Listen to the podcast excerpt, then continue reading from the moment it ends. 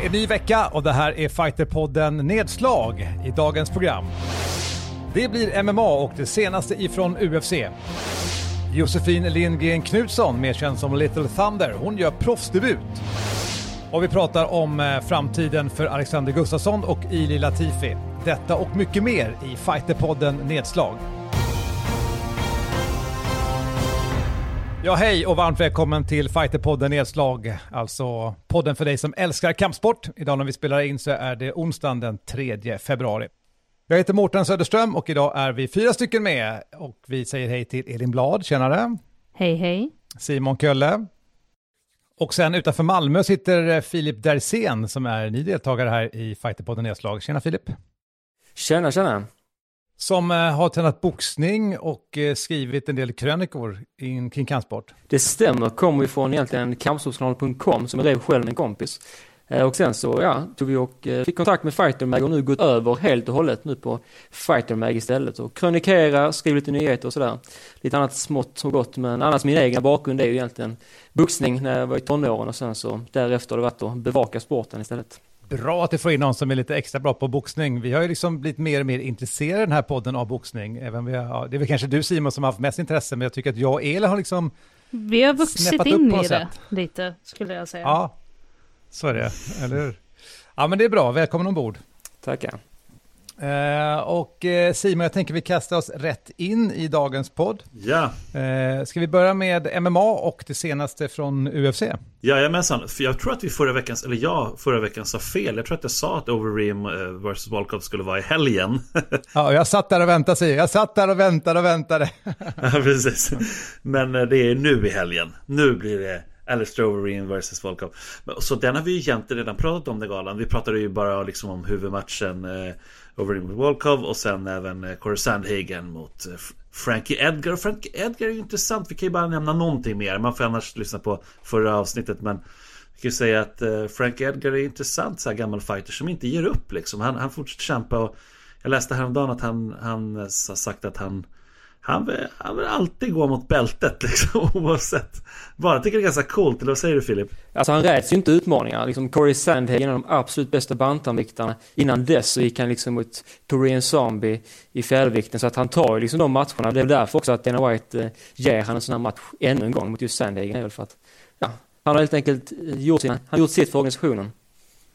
Alltså en av de saker jag tycker är mest intressant med Frank Edgar sträcker sig egentligen ganska långt tillbaka i tiden, för han var ju en av de som var väldigt tidig med att tävla i sin egen vikt och eh, liksom bara skippa hela den här bantningshetsen, att det, det funkar inte, det är inte bra för, för att performa på högsta nivån. Så det, det är någonting som jag tycker är intressant och det kanske gör att han är så pass långlivad som han är, att han har inte slitit sönder sig för att banta väldigt mycket tidigare i sin karriär. Men vad, vad har han för record? Jag har inte det framför mig. 24-8 så här och en oavgjord match. Så att uh, han har gått en hel del in, men känns nästan som att han har gått fler matcher än så. Om man tänker på hans ålder och sådär.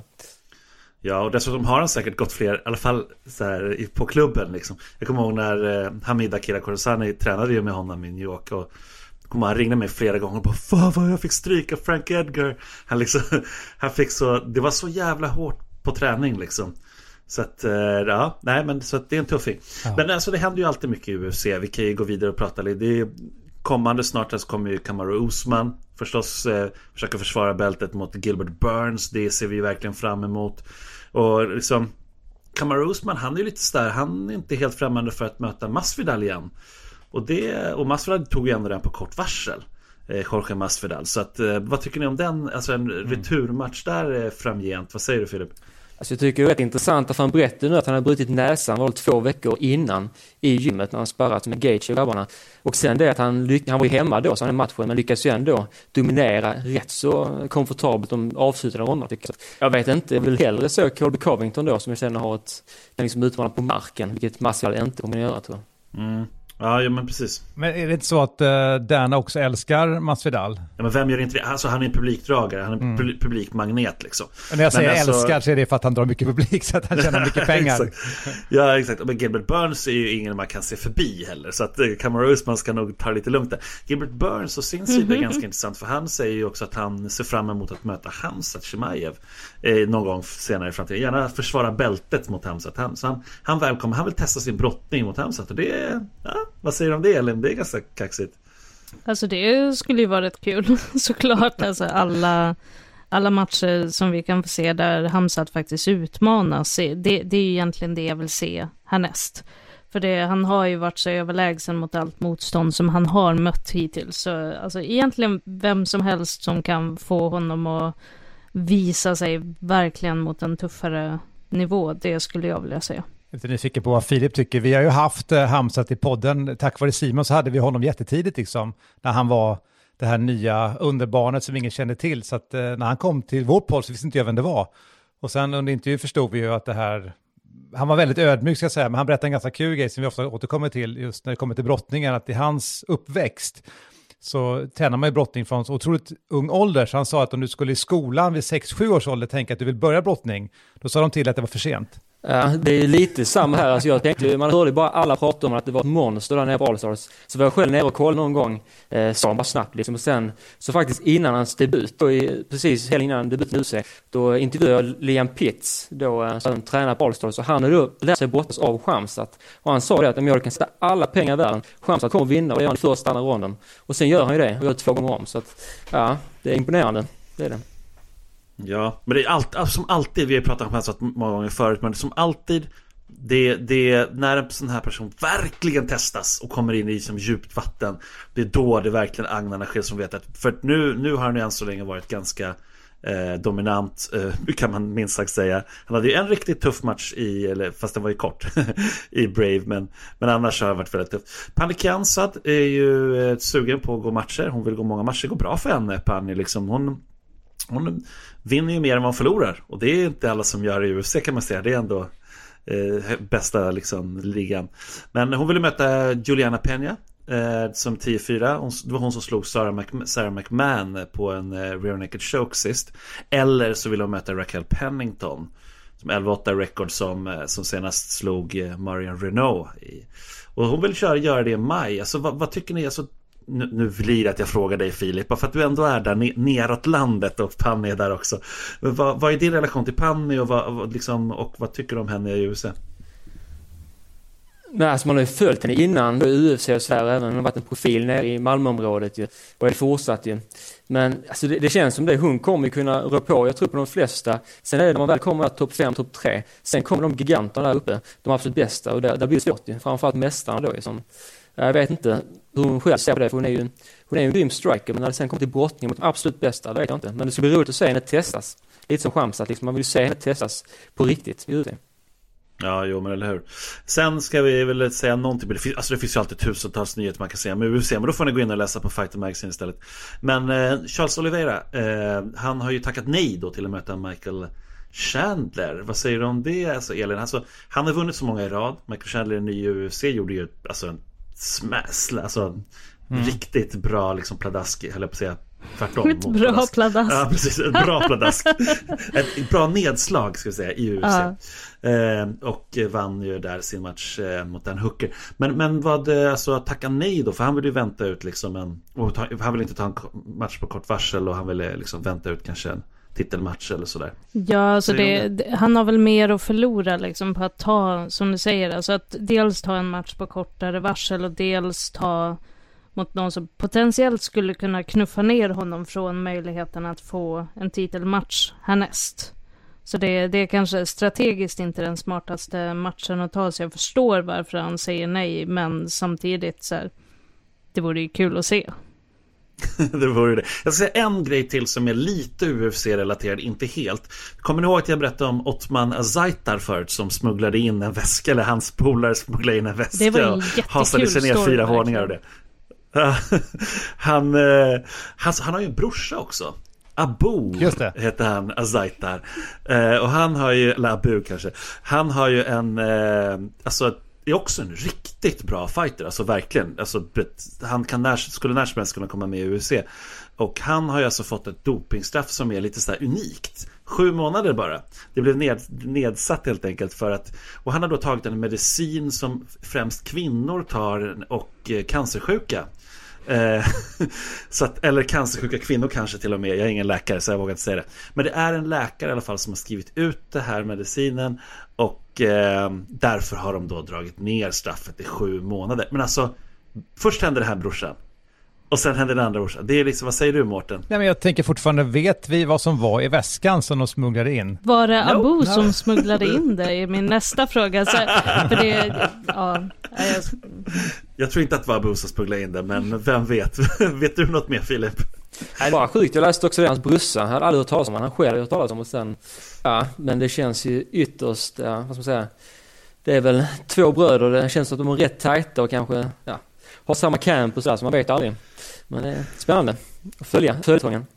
Alltså nu har ju vi, vi har, vi har ju skrattat åt det här och pratat om det, men det är fortfarande ganska osannolikt. Till att börja med med hela Fight Island-grejen, med alla regelverk, med covid. Att i det läget, bakom kulisserna, ta av sig sina armband, klippa av dem, ge dem till någon som sen klättrar på en fasad för att komma in till en balkong och tänka så här, det här kommer ingen se. Bara den känns så jädra mm. ogenomtänkt. Ja, det, är, det är extremt, det är helt extremt. Ja, men det var lite om, eh, som var delvis i alla fall, UFC-relaterat. Men ska vi inte ta upp uh, Habib också? Absolut, det tycker jag. Det har, det har varit så mycket spekulationer kring det där. Att han eh, ska komma tillbaka, ska han inte komma tillbaka hit och dit. Och han, han vill ju själv möta George St. Pierre. Liksom. Och, vi, och George St. Pierre vill vi möta honom, tror vi. Ja, han kan tänka sig gå tillbaka till det. Han, säger, han är lite sådär, han säger lite olika saker för att han tycker det är väldigt kul när han väl är på, han tränar ju jättemycket. Han är fortfarande i liksom grym shape och han tränar nere på liksom klubben. Men han, när väl är Han är där, alldeles för stor. Ja, jo han är stor. Men, men när han är där nere då brukar han säga att så här, då kan han tänka sig att göra vad som helst, återkomma. Men sen när han kommer hem då börjar han tänka att all stress och press och han är ganska mentalt liksom dränerad var ju GSP under sin karriär. Så att då börjar han ångra sig där. Men nu har det ju kommit lite lite news sådär. Det har droppats, det har varit eh, lite sådär. Jag har faktiskt ingen källa på det här så jag vet faktiskt inte om det stämmer. Men jag vet att det ryktas nu ganska mycket om att de faktiskt håller på att sätta upp en sån här match. Vet du något mer Filip? Så det går ju hela tiden fram och tillbaka. Men nu senast i intervjun jag hörde med GSP, mm. då var det att han sa att äh, det har gått för, för lång tid nu för att kunna ta den i den här viktklassen. Och då ska man veta att Khabib vill köra just i lättvikten. Så att jag tror inte den kommer ske. Och sen tror jag också att just nu UFC 257, då Dana White och Khabib hade det här mötet och de sa att vi kommer offentliggöra någonting under kvällen. Eh, så jag tror allt det där, det var ett stort, mm. så det var mycket PR i det och jag tror att jag tror att Khabib är rätt nöjd faktiskt. Han ser ut som en rätt nöjd eh, idrottare just nu. Så jag vet inte. Mm. Jag, jag, jag, jag, vågar inte säga det för att det här är ju alltså ganska, det är ganska initierade personer som nu har gått ut. Det är bland annat John Anik som är kommentator. Och det är så här, det, det är folk nära också campet som har sagt det. Så att, att det liksom nu har Carlsen kontakt och att de ska sätta sig ner och att det faktiskt håller på. Sen om det ska bli en match, alltså det är ganska mycket som ska till där till det. Det kommer i så fall bli kanske i höst tidigast eller något sånt där. Men alltså Ja, jag skulle älska en sån match, eller vad säger du eh, Elin? Ja, det är klart jag vill se det, men jag ser inte hur det är realistiskt att någon som är en lättviktare ska gå mot någon som nu för tiden förmodligen ligger väldigt mycket mer naturligt i mellanvikt. Det, det, är ändå, det är ändå en hyfsad skillnad däremellan. GSP är ju ganska stor och han har ju inte blivit mer lin under de senaste åren. Nej. Bra, då lämnar vi eh, UFC för nu och går vidare och pratar om en svensk fighter.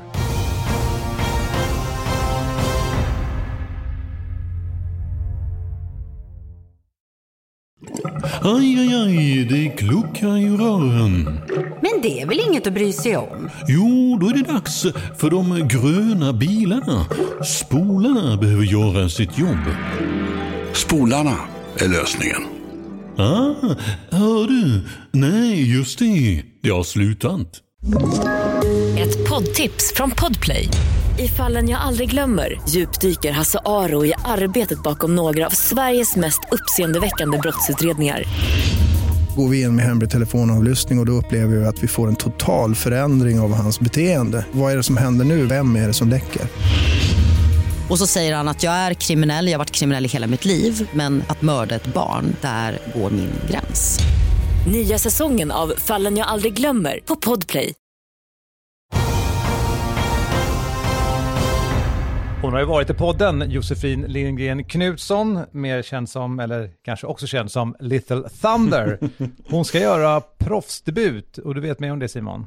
Ja, hon ska göra proffsdebut i MMA ska vi säga. Hon är alltså världsmästare i thaiboxning 2018 och eh, alltså hon har vunnit en hel rad andra tävlingar. Hon har ju vunnit SM flera gånger och så, här, så Hon är rätt nyligen eh, 25 år fyllda. Och eh, nu så har hon ju, hon har haft alltså MMA proffskarriären i liksom sikte men hon har gått bara en amatörmatch och det är ganska så anmärkningsvärt. Det är rätt säll, få nu för tiden som går så få liksom. Och då mötte hon ju VM-silvermedaljören eh, Nina Back som är en grym fighter verkligen på alla sätt men hon slog henne ganska dominant. Det blev enhälligt domslut den och eh, nu då så är det klart att Josefin kommer gå eh, göra debut som proffs på Fight Club Rush eh, 8 den 6 mars. Och eh, Fabiola Pidroni från Italien är hennes motståndare och det det jag kan säga om henne är att jag har följt henne lite i judon. Hon är ju riktigt grym judoka. Italiensk mästare, vunnit fyra internationella turneringar. Eh, och flera guld och tagit ett, ett guld och två silver i Europacupen. så att hon är grym men hon gör också debut. Eh, så att, men alltså Josefin Lindgren är, vad kul med en ny liksom tjej som är så jävla duktig stående. Vad är det med stående fighters och tjejer, Elin? Jag vet inte. Jag, jag har funderat på det många gånger själv. Alltså, när man tittar på hur många tjejer det är som tränar så är det ju betydligt fler som kör liksom kick och thai jämfört med som kör MMA och jag, jag vet inte. Jag tror att det det är många som kanske inte gillar att brottas. Så kanske är därför de börjar där. Men vi har bra grapplers också på damsidan i Sverige. Det har vi. Ja, men då är det väldigt dedikerat mm. till just det. Så alltså då, de som bara vill brottas, de vill ju helst inte bli slagna i ansiktet. Så det, det kanske finns liksom en, jag, jag har ingen aning, ärligt talat. Men jag tror också att det blir lättare när det finns många tjejer på klubben, ja. att det att det är lättare att börja då. Det finns eh, tjejtränare och det, på vissa ställen finns det liksom dedikerade tjejgrupper på kick och thai. Så jag tror att det underlättar också. Jag tycker ändå det blir stökigt när du är så pass duktig stående fighter. Nu litar jag ju på, för det har hänt mycket inom eh, MMA, att du är ganska förberedd när du går in i en proffsmatch och det första du möter är en grappler. Att du har liksom övat Guns. Så var det inte förr i tiden liksom. Då tänkte man, men jag är så jävla bra på att slåss så att jag kommer kunna ner den här personen. Och så ligger man på ja, ryggen. Och sprattlar som en sköldpadda. Så att jag tror att det kommer bli en utmaning för eh, Josefin. Och med det menar jag att hon kommer tänka väldigt mycket på att inte bli nedtagen. Det är ofta den liksom, naturliga reaktionen, för där vill inte hon vara. Eh, när hon möter en, i det här fallet utpräglad liksom, grappler. Det ska bli spännande att se. Mm. Ja, det är väldigt spännande. Jag tycker det var en ganska bra segway det, det, det, du sa Elin också till en grej som jag kanske inte hade tänkt att ta upp men nu vill jag verkligen ta upp det med tanke på det du sa. Eh, men jag kan först släppa in dig Filip om du vill säga någonting om Josefin. Jag tänkte bara rent spontant sådär, inte imponerad av Fackla Russian och få matchen på sin gala om man jämför, hon gick amatörmatch på Brave för inte så länge sedan att hon hade lätt kunnat gå i någon större organisation känns det Så ändå kul att det blir just där, ska man tycka. I FCR och Västerås. Mm. Mm, men lite speciella tider och sådana saker tror jag just nu och och liksom sådär så att äh, hon behöver gå matcher, det är väl det. Och sen så, så, så finns det här. Och det är, på, det är också på Fight Pass, alltså UFCs egna också nu. De har ju en deal med dem. Så att, så att det är väl bra exp exponering och allting kan jag tänka mig. Men alltså Segway Elin, jag tog upp det här. Det, det du, för du pratar ju om tjejer och eh, grappling och fighting och sådär. Och nu har det alltså varit den första professionella eh, damtävlingen inom grappling som är proffs. Där alla är proffs. Och eh, alla domare var tjejer. Alla som hjälpte till var tjejer. alla var helt enkelt kvinnor. 40 stycken eh, i Miami. Och eh, som hade då, det var i lördags nu. Vad, vad hette galan? Fight to win hette den. Jag har inte sett den själv ska jag säga. Men det, jag, det jag har läst om den också där. Det är ju då att eh, Rafaela Guedas som är alltså ett grymt bra nytt namn i BI-världen. Hon är ju alltså, hon har bara haft svart bälte i sex månader. Och hon mötte den trefaldiga världsmästarinnan Anna Carolina Viera som i No Guido. Och då var det väldigt många som tänkte att det är lite för tidigt mm -hmm. för Guedas att gå upp och ta den matchen. Men hon vann! Hon tog mm. den. Så det är ett kul, kul med nya liksom, eller nya och nya, men har man bara haft svartbälte i sex månader och möter trefaldig världsmästare mm. i svartbälte så Det är, det är ganska häftigt tycker jag. Det är ju det man älskar. Man älskar ju när sånt händer. Ja, eller hur? Jo, men så är det ju verkligen. Mm. Men vi får se vart det, var det landar då. De kommer säkert ha flera events och, och liksom sådär. Jag vet inte. Eh, vad, vad alltså, tänker ni? Kommer jag, det här återkomma? Får jag bara säga, va, varför ska det bara vara tjejer på galan? Jag förstår inte riktigt. Vad är grejen? Du tycker, att jag, du tycker att jag ska svara på det? Som att jag satt i rummet och bestämde det. Jag förstår att alltså, tjejer möter tjejer, men, nej, men nu har vi valt att alla ska vara tjejer. Det blir liksom som en manifestation. Jag förstår inte riktigt poängen med det. Ja, du. Jag vet inte, ska vi gå in på den här diskussionen? Det känns som att det kan bli ett helt eget poddavsnitt. Alltså det är... Men tycker du att det är bra i min fråga? Tycker du att det finns en poäng med det? Jag kan svara om du vill Elin. Alltså jag om, tänker, jag ska tänka så kan Simon få svara. Ja. Nej men alltså det som jag tycker, det, det, det är flera saker faktiskt. Dels så tycker jag det är intressant att eh, man promotar så att man behöver förebilder. Mm. Så, om man är kille eller tjej eller vad man nu är. Liksom, representation är ju väldigt viktigt idag och jag tror att det finns en anledning till det. Det är för att det är många som inte har blivit representerade. Och visst, det finns tjejer, några enstaka som går några tävlingar och det är killarna som ofta tar huvudmatcherna och sådär. Så, att, så att det är väl en anledning. Och sen är det väl det att det vi, vi pratar om det nu. Ja, ja, hade, vi pratat, hade vi pratat om den här gala, eller det här eventet annars liksom? Det... Fast om, vi, om jag hade startat en BJ-tävling och sagt så här, och det unika är att det är bara män som tävlar, domarna är män. Men det blir Alla... inte unikt. Det är inte unikt. Det är ju fast... väldigt många tävlingar som redan är så. Fast om det skulle vara min utstuderade modell. Ja, jag fattar precis. Det här blir komplicerat. Vad säger Filip? Du får ge facit nu. Bra eller dåligt? Det känns som manifestation och det är väl bra, men jag tror att det kommer bli att man gör det en gång kanske. Sen blir det kanske att man gör det 90% eh, kvinnliga domar kanske. Så det känns som att det kommer lite på den vägen. Ja, kanske. Invicta höll, höll ju ut och kör, körde, har bara kört med, med tjejer och sådär inom MMA. Så att, why not liksom? Det, vi får se. Vi får se vart det landar, helt enkelt. Elin, har du något svar? Jo, men eh, det jag kanske tänker är att om om anledningen är att man ser liksom en nytta i det, till exempel att det, det är svårt för kvinnliga domare eh, för att få komma in, de premieras inte, det är tjejer som arrangörer tas inte riktigt på allvar, alltså då, då kan jag se liksom en idé med att göra det, men det om kravet är att man ska behöva göra det separat och bara för, bara för kvinnor, för, för att faktiskt få göra det, då är det ju trasigt redan från början. Och det, det är väl det som är lite mm. tråkigt, att, att grundförutsättningen är så dålig att någon upplever att man behöver göra så här för att, för mm. att få vara med. Det, det är jävligt tråkigt. Det ligger verkligen, det är det jag menar med representation också. Det är väl lite sådär att, jag håller verkligen med dig där Elin, för att det var lite därför det blev liksom helt svarta tv-kanaler och sådana saker i USA och sådana Alltså så här, för att det inte fanns. Alltså det var inga, alltså då, då vill de ha mer och mer. Så kan man ta hand om det själv. Jag tror att det, det kommer därifrån. Efter ett tag så kan det liksom mixas mer och mer. Så att eh, vi får väl se. Men eh, vi kanske ska lämna det. Det gör vi Simon. Vi ska ta och gå till det sista som handlar om några svenska fighters. Jag tänker att vi ska snacka slutligen lite grann om Alexander Gustafsson och Ilja Latifi, men innan vi gör det, om du nu vill se på lite fighting, för det är ju inte så många galor, och vi har ju den här um, Fighter TV, och eftersom det inte sker så mycket galor så har vi faktiskt där lagt upp matcher från en gala som heter Heroes Fighting Championship. Den var i Halmstad, Filip. Det är ganska nära Skåne.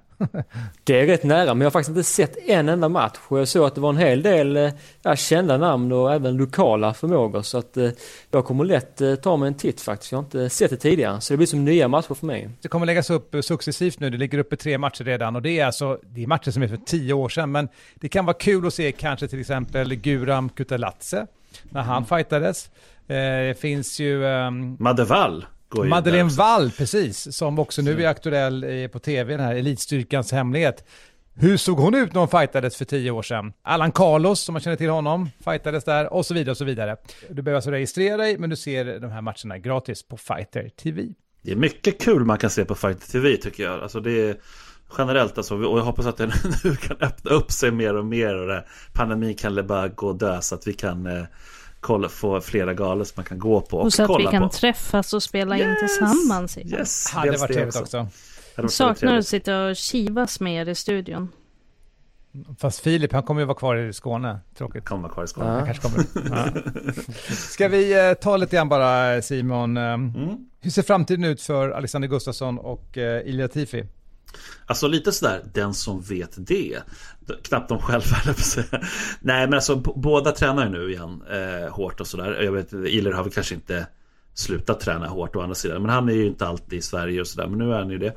Och eh, det, det, ser, det, det, jag hör det är att de ändå satsar på att liksom gå matcher och att det, de kommer fortsätta så här. Men Alexander Gustafsson, tre förluster nu i rad. Alltså det, vad säger du Filip? Vad är, vad är han i för läge? Alltså att prata om Alexander Gustafsson blir aldrig tråkigt. För att jag tror precis som du säger, jag tror inte ens han själv vet om han kommer fortsätta eller om han inte kommer fortsätta. Jag tror det går lite från vecka till vecka sådär. Men läget är ju, det är ju inte alls bra. Eh, sen, han räddas ju just av sitt rykte i UFC. För hade han varit en vanlig fighter då hade det sett ännu sämre ut. Nu är det ändå Alexander Gustafsson, han kan fortfarande sälja ut galor i Norden. Så att det är fortfarande ett starkt namn. Men jag vet inte, jag, eh, rent sportsligt så tänkte jag, det är ju snart fyra år sedan senaste segern mot eh, Glover Texera i Stockholm. Så att, ja, rent sportsligt, hur bra är han? Jag vet inte, man har inte sett mycket. Eh, jag, jag var en av de som tyckte att han inte alls gjorde en bra match mot Anthony Smith. Jag vet att andra tyckte att han gjorde en helt okej match innan, innan avslutet, men ja. Vad tycker ni egentligen? Vad, vad tror ni han står sig sportsligt? Jag tror att just att han är som representant för MMA i Sverige, det, han var ju den som blev den svenska Gunde Svan, liksom, fast inom MMA. Och den positionen har han ju kvar. Så att i den stora massan vet ju inte, jag har ingen aning om vem liksom Hamza Chimaev vet, till exempel, som ändå kanske är vår raket där, eh, och så vidare. Utan man vet vem Alexander Gustafsson är, och det tror jag han kan leva väldigt länge på, utifrån ett svenskt perspektiv. Och sen tror jag också att han internationellt kan dra publik för att eh, han har gjort sådana här matcher mot John Jones och så vidare. Så han, varit, han har varit liksom på toppen. Så han har ju en, han har en resa kvar som ganska få har med den historien. Där är han ganska unik. Så det är mer hans val. Jag tror att om han går en match till och förlorar igen, då har han liksom fyra förluster. Då blir det så här, varför är han kvar? Den blir mer svår för hans egen del och för, liksom för, för UFCs del. Jag, alltså jag håller med dig väldigt mycket du säger och det, jag tror att det är så lätt att dras in och tänka på liksom så här fornstora dagar och man har fortfarande den bilden av Alex när han gick mot John Jones. Men det, det har varit tufft de senaste åren för, för Alex. Och det, jag vet, jag vet inte, jag känner väl inte att jag jättestarkt tror liksom att han skulle kunna klättra till liksom topp topprankingen på i heavyweight nu. Det, jag tror att det, det är för tufft. Men det vore kul. Vad säger Simon? Ja, ja det är klart. Alltså jag säger ju ingenting om det. Jag kommer vara den som sitter och skriker högst om glädje när det händer. Men jag vågar nog inte hoppas på det. Jag, jag tror att Alexander Gustafsson är som förut. Eh, faktiskt. Jag tror att han är eh, lika bra som förut. Han är lite mindre tränad än vad han var i vissa stunder då såklart i livet. Och sen när han var som bäst, det var kanske då han var i, i San Diego också och tränade med Alliance. Eh, då, då han verkligen lärde sig och var liksom riktigt så här ivrig på att lära sig brottning och allting med Phil Davis och grabbarna. Men jag tror att andra helt enkelt har gått om. Jag tror att det är det det handlar om. Det, det är inte han som har liksom blivit så mycket sämre. Han är, han är ingen glasig. Liksom, han har inte blivit, han har ingen glashaka liksom. Då tycker jag, då hade, då hade jag sagt det. Jag tycker att han är glasig. Jag hade stått för det 100%. Men det har han inte liksom. Eh, och han att han, hans grappling inte har varit världens bästa. Det har han inte varit tidigare heller. Det är inte som att man bara helt plötsligt förlorar det. Han möter Verdum. Alltså kom igen. Det är, det är en svår person att, att, att, hamna under liksom. Så att, eh, så jag vet inte. Jag tror, jag tror det handlar om mycket om att han har blivit pappa, liksom flera barn. Han har liksom blivit ganska bekväm och sådär. Och sen stunder då han inte kör och alltså det, det är så mycket annat som har kommit in och företag och restaurang och allting. Så att, så det är mycket sånt. Så han är nog ungefär lika bra. Men andra har blivit bättre. Det är det, det, är det min tes. Vad säger du Filip? Så jag tror också det och just fysiken jag tror han är helt på samma nivå. Han är ju i sin ja, fysiska prime borde han vara men just också motivationen. Han har själv varit öppen om det att motivationen har tidigare varit ett problem och jag tror det är det som tryter. För att gå ifrån att möta John Jones två gånger liksom till att ja, fightas mot en orankad heavyweight. Det tror jag inte han kommer göra. Jag tror inte han kommer, nej. Nej, vi får se. Det blir spännande. Och Ili Latifi måste vi säga någonting om också. Och det är ju såklart eh, Hans framtid i tung, tungvikten, alltså den är väldigt intressant eftersom att han är så, så liten till växten jämfört med de här stora. Men jag menar det är ju så att jag, det är svårt, det är tungt för honom att ta ner dem också eftersom att de är så jävla stora. Men samtidigt så han, han, eh, han är vass, alltså jag tror ändå att han kan spöa väldigt många ändå i tungvikten tror jag faktiskt. Jag tror, att, jag tror, jag tror verkligen på Gilles Latifi. Jag tror sen hur långt han går, I don't know. Men jag tror att han kan komma ungefär lika långt som han kom i lätta tungvikten i tungvikten faktiskt. Topp 5. Alltså det, när gick han match senast? Det är ju ett tag sedan. Alltså, har, han borde vara på tapeten tycker man. Ja, han borde vara på tapeten och jag, jag tror att det kommer komma. Alltså, de, båda, jag, jag tippar på att båda kommer gå match i år. Det tror jag absolut. Alltså, och gärna innan sommar. Det vore jätteroligt. Liksom. Men vi får se. Vi får ju verkligen se. Men jag skulle vilja nämna en grej innan vi avslutar om det är okej okay, Mårten. Och det är ju alltså Alex eh, Pereira som... Eh, alltså han gjorde ju verkligen en bedrift i Glory. Och det, det, är lite intressant att det är så få som pratar om det i Sverige. Men det var en riktigt stor grej som han gjorde senast senast på Glory 77. Han gick upp till lätta tungvikten, han är mellanviktare annars. Och eh, mötte, och möttes. gick en match om bältet där mot Artem Vakitov. Vakitov och eh, det slutade med delat domslut. Han vann den matchen och tar, har då två bälten i Glory, vilket inte är så många som har. Och jag menar, för de flesta bara, vem, vem är Alex Pereira? Jo, men det är han som knockade Israel Adesanya 2017. Han är väldigt känd för det. Och blev också Israel Adesanyas sista match i kickboxning. Och jag menar, Israel Adesanya hade 75-5 i record i, i kickboxing. Ah. Det var ingen duvunge liksom. Av hans fem förluster så var två stycken mot Alex Pereira. Så att då fattar vi ungefär hur bra Alex Pereira ändå är stående. Även om eh, Israel Adesanya säger att idag skulle jag spöa honom. Alltid. Ja, kanske MMA, men, men liksom Alex Pereira är ingen duvunge. Känner du till honom Filip? Ja, och jag såg nämligen en amerikansk nyhetssida som skrev upp honom som en av tio de verkligen ville se gå in i UFC i mellanvikt. Och jag tänker det, nu om han har dubbla bälten i Glory, om nu eh, Adesanya skulle spöa Jan Blahovic och ta lätt tungviktbältet, eh, Dana White, man kan ju själv eh, finura finna ut vad han kommer att tänka. Få in Pereira och ta några segrar, sen kan man göra den matchen. Eh, för att det är många som har velat se den just för att det finns ett narrativ. Så att där tror jag att man hade haft mycket att vinna i UFC om man faktiskt tar in honom. Det är dags. Just det. Ja, men han måste vilja själv också. Och det går ju så bra för honom stående och han vinner och vinner och vinner och vinner. Eh, så att det är ju lite så. Han har ju eh, jag tror att han har, nu har jag inte det framför mig, jag, tror han, jag vet att han mötte Artur Kushenko som är riktigt så här, grymt namn, stående fighting. Förlorade den matchen, det är en av hans få förluster. Men alltså, nu var det länge sedan Alex Pereira förlorade så att det är ju, eh, ja, det, men det är klart. Har, har man spöat och knockat Israel Adesanya, då är man inte dålig. Och för att avsluta, tänker jag säga, han är en mångsysslare. Så att han har gått en professionell boxningsmatch och fyra MMA-matcher i proffs. Så att ja, han borde ändå vara öppen för, hoppas jag, i alla fall om eh, anbuden kommer. Ja, vi hoppas det, vi hoppas det. Ska vi ta och runda av då, dagens Fighterpodden Nedslag? Vi hörs ju om en vecka igen. Vi tackar Elin Blad idag. Tack så mycket. Simon Kölle. Tack, tack. Och så har vi Filip då, Dersén, som är nytillkommen här ifrån Malmö. Tack för att du var med idag. Stort tack. Vill du höra av dig till oss så är det fighterpodden at fightermag.se. Vad ska vi ta upp? Tyck till, eller bara ris och ros kanske. fighterpodden at fightermag.se. Jag heter Mårten Söderström och vi hörs om en vecka igen. Okej? Okay.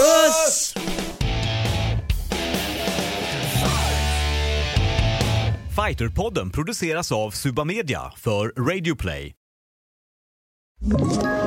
Ett poddtips från Podplay. I podden Något Kaiko garanterar östgötarna Brutti och jag, Davva, dig en stor dos skratt. Där följer jag pladask för köttätandet igen. Man är lite som en jävla vampyr. Man har fått lite blodsmak och då måste man ha mer. Udda spaningar, fängslande anekdoter och en och annan arg rant. Jag måste ha mitt kaffe på morgonen för annars är jag ingen trevlig människa. Då är du ingen trevlig människa, punkt. Något Kaiko, hör du på Podplay. Därför är gardinerna.